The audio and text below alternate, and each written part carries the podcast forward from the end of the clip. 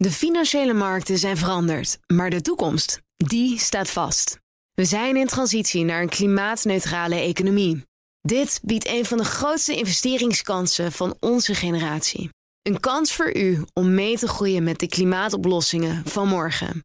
Meer weten? Ga naar carbonequity.com. Carbon Equity. Do good by investing better.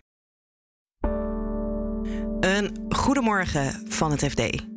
Ik ben Pauline Huuster en het is dinsdag 5 juli.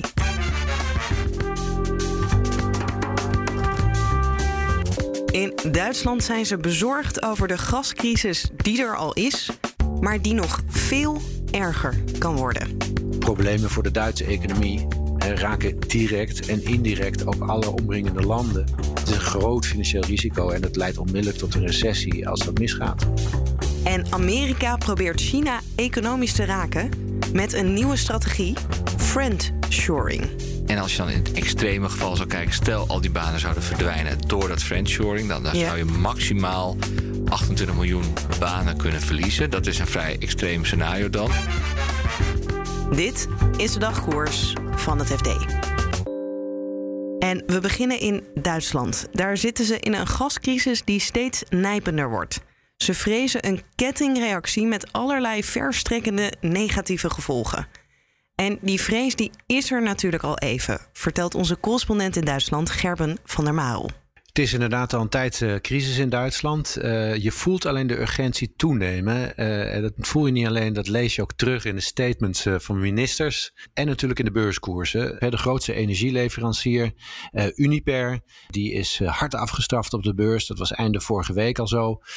en dat komt omdat ja, Duitsland direct de gevolgen ondervindt van het afnemen van de gasleveranties uit Rusland via de Nord Stream pijpleiding. De eerste pijpleiding die er al een jaar of tien ligt. Um, en dat, uh, dat zorgt voor uh, toenemende ongerustheid. En er komt ook onderhoud aan, toch? Aan de pijplijn. Dan gaat hij helemaal dicht. Ja, dat is eigenlijk al heel snel natuurlijk. 11 juli. Uh, en dat is een datum waarop Nord Stream met zijn jaarlijkse onderhoudswerkzaamheden begint.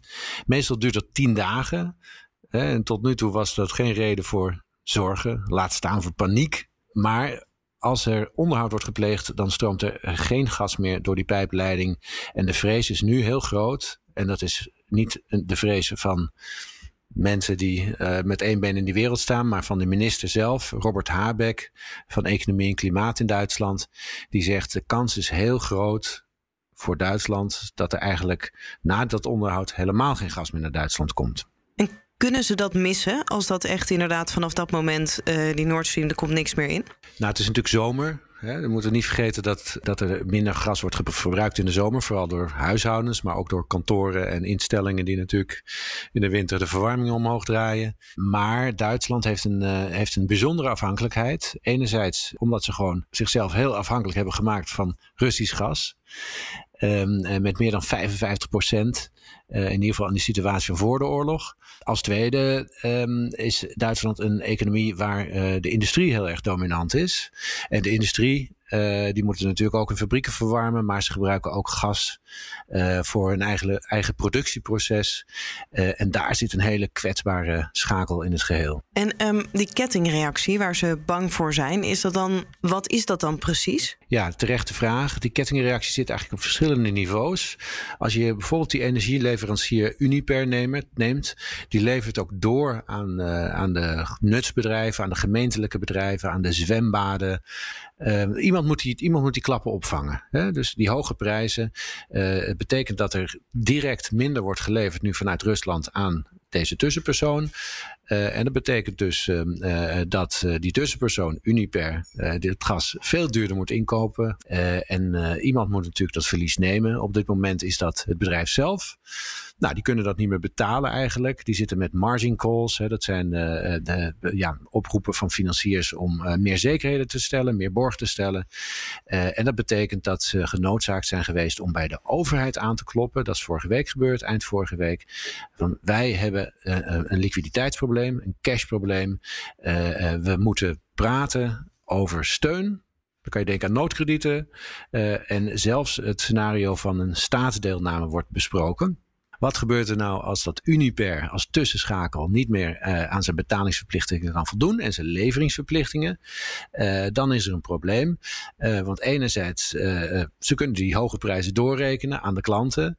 En daar komt die sneeuwbal natuurlijk tot rollen als die gemeentelijke instellingen plotseling uh, drie, vier keer zoveel voor hun gas moeten betalen, uh, ja, dan kunnen ze wel sluiten. Hè, dan kunnen die zwembaden wel dicht. Uh, en dan kunnen al die instellingen wel ook aankloppen bij de overheid. En dat is, dat is de vrees. Eigenlijk een beetje een Lehman Brothers-achtig scenario hè, van de kredietcrisis. Als er zo'n schakel tussen uitvalt, wat zet je daarmee in beweging? En wat doe je er tegen om zo'n sneeuwbaleffect te voorkomen? Kan de Duitse overheid eigenlijk nog iets anders doen dan zorgen dat die bedrijven niet omvallen? Uh, met dat gas uh, zeggen ze gewoon, ja, we hebben dat nodig, want anders valt die hele industrie stil. Uh, dus concludeert de Duitse regering, we moeten echt alles op alles zetten om die tussenschakels te redden, kredieten te verlenen, alternatieve gasvoorziening op te bouwen. Meer uit Noorwegen. Misschien wel aankloppen bij Nederland voor meer gas. Het bouwen van LNG-terminals. Dat, zijn die, opslagplaatsen voor, uh, voor uh, vloeibaar gas. Uh, dus aan alle kanten zie je de overheid ingrijpen. En eigenlijk, en dat moet je gewoon zeggen. Eigenlijk zitten we al in een scenario waarbij de belastingbetaler op gaat draaien voor, voor de problemen in deze energiecrisis. Want iemand moet die rekening oppakken. En dat is de Duitse staat en niet die bedrijven zelf. En als die sneeuwbal wel gaat rollen en het lukt ze niet om dat tegen te houden, hebben wij daar dan ook nog last van, wij in Nederland? Ja, uiteraard. Kijk, die sneeuwbal, ik richtte me nu net op, uh, op, op die instellingen. Maar ook kleinere en grotere bedrijven, die zijn natuurlijk sterk afhankelijk. En je kan natuurlijk af, afvragen welke bedrijven zijn er systeemrelevant voor onze economie. Uh, en dan heb je chemie, bedrijven zoals uh, BASF, cruciale schakel in zoveel productieprocessen. Alle kunststoffen, je hoeft maar een drogist binnen te lopen en alle verpakkingen en alle de schroeftopjes op de tandpasta en weet ik veel wat. Alles, voor alles is dat bedrijf bijna nodig. En dan kom je op de, de kwestie dat ja, problemen voor de Duitse economie raken direct en indirect ook alle omringende landen. Uh, dus er is een groot belang mee gemoeid om, um, ja, om die bedrijven overeind te houden en om die alternatieven te zoeken. Heel kortsachtig, maar uh, er gebeurt wel degelijk wat. Uh, maar dat is een groot financieel risico en dat leidt onmiddellijk tot een recessie als dat misgaat. En dan gaan we naar een begrip dat bedacht is door Janet Yellen, oud vetbaas en nu minister van Financiën in de Verenigde Staten. Friendshoring. Een tactiek die ze inzetten tegen China. De Rabobank heeft uitgerekend hoe hard het land daarmee geraakt wordt economisch. En dat hoor je zo van collega Marijn Jongsma. Maar eerst legt hij even uit wat friendshoring precies is. Het gaat er dus om dat landen waar je dan min of meer bevriend mee bent, dat je daar dan die productie naar verplaatst. En dat je minder afhankelijk wordt van China. Ja, want je wilt dus wel een land wat, uh, waar het relatief goedkoper is om te produceren. Ja. Net zoals in China. Hebben we een idee naar wat voor landen je dan vriendschappelijk kan uitwijken? Nou, dat hebben ze bij de Rabo naar gekeken. En uh, het is een hele trits aan landen. Je kunt niet zeggen het gaat daar naartoe of het gaat daar naartoe. Dat nee. hangt heel erg af van het type product. Uh, dus voor de wat eenvoudige producten, ik noemde net speelgoed, daar zou je kunnen, uh, voor kunnen bedenken dat bijvoorbeeld heel uh, veel naar India gaat of delen van Afrika. als het gaat om dat meer high-tech, dan zit je al meer te denken aan Zuid-Amerika of ertussenin. En als het gaat om echte high-end producten, dan zou je ook echt wel reshoring kunnen bedenken. Dus, dus inderdaad Europa, de VS. Ja. Uh, dus het gaat, uh, gaat naar heel veel uh, verschillende landen eigenlijk. En dat is natuurlijk ook een beetje het idee. Want je, je wil natuurlijk niet China inruilen voor India. En dan denk je, ja, nu zijn we weer afhankelijk van India. Ja, en dan doen zij iets wat ons niet aanstaat. En dan moet je er ergens aan zijn. Ja, precies. Dus, dus, dus je wil eigenlijk dat risico wil je meer verspreiden over een groter aantal landen. En de intentie is dus om China daarmee uh, te raken. Nou heeft de Rabobank gekeken in hoeverre dat ook uh, gebeurt. Kunnen we daar iets van een cijfer op plakken? Dat hebben ze gepoogd. Um, ze hebben eigenlijk gekeken naar hoeveel banen um, er nou afhankelijk zijn van, uh, van die export naar westerse landen. Dus dan kijk je naar industrie. Nou, wie exporteert er allemaal voornamelijk naar, naar westerse landen? De VS, Europa. Hoeveel banen zitten daar? Uh, en als je dan in het extreme geval zou kijken, stel al die banen zouden verdwijnen door dat friendshoring, dan, dan ja. zou je maximaal 28 miljoen banen kunnen verliezen. Dat is een vrij extreem scenario dan. Uh, aan de ene kant zou je ook nog kunnen zeggen: het is een deels onderschatting, want er zit natuurlijk altijd weer toeleveranciers daaraan vast. Ja. Dus, dus het zou misschien helemaal niet zo heel onrealistisch kunnen zijn. Dan moet ik erbij zeggen, de arbeidsmarkt is behoorlijk groot in China. Dan hebben we het over ik zeg even uit mijn hoofd, iets van 750 miljoen mensen. Dus in relatief opzicht valt dat dan nog wel mee. Ja. Maar het effect is bijvoorbeeld wel groter. Er zijn eerder onderzoeken geweest naar uh, wat heeft nu de toetreding van China tot de Wereldhandelsorganisatie de VS gekost. Hè? Dus mm banen kwijt in de staalindustrie, et cetera. Uh, en als je kijkt dan naar de, het percentage van de arbeidsbevolking, dan zou dit een groter effect zijn dan het effect van uh, het China-effect in de VS zelf. Dus het is wel degelijk substantieel. En het zouden niet alleen banen zijn in dit extreme scenario, maar ze zouden ook van een exportland net aan een importland ja. kunnen worden. Inderdaad, en dat is uh, misschien nog wel uh, belangrijker. China die kan zichzelf nu financieren. Ze exporteren meer dan, uh, dan ze importeren. dus ze verdienen eigenlijk geld aan de rest van de wereld, zou je kunnen zeggen. Um, en in dit geval zouden ze inderdaad een, een licht handelstekort krijgen.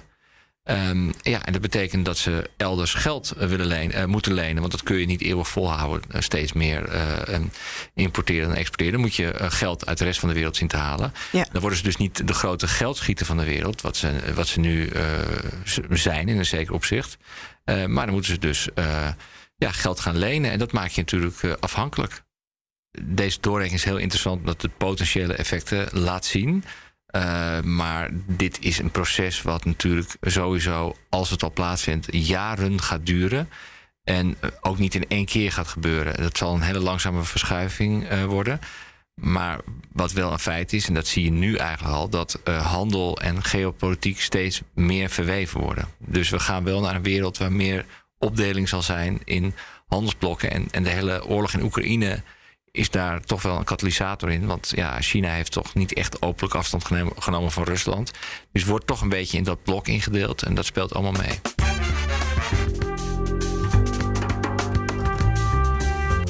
Dit was de dagkoers van het FD. We zijn er elke werkdag, dus morgenochtend staan we weer voor je klaar in je favoriete podcast-app. En ondertussen kun je natuurlijk alles lezen over de energiecrisis in Duitsland en over friendshoring op fd.nl. En daar volg je ook het laatste financieel-economisch nieuws. Voor nu een hele fijne dag en graag tot morgen.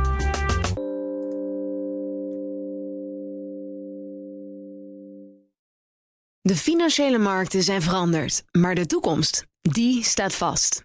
We zijn in transitie naar een klimaatneutrale economie. Dit biedt een van de grootste investeringskansen van onze generatie. Een kans voor u om mee te groeien met de pioniers van morgen. Meer weten? Ga naar carbonequity.com. Carbon Equity. Do good by investing better.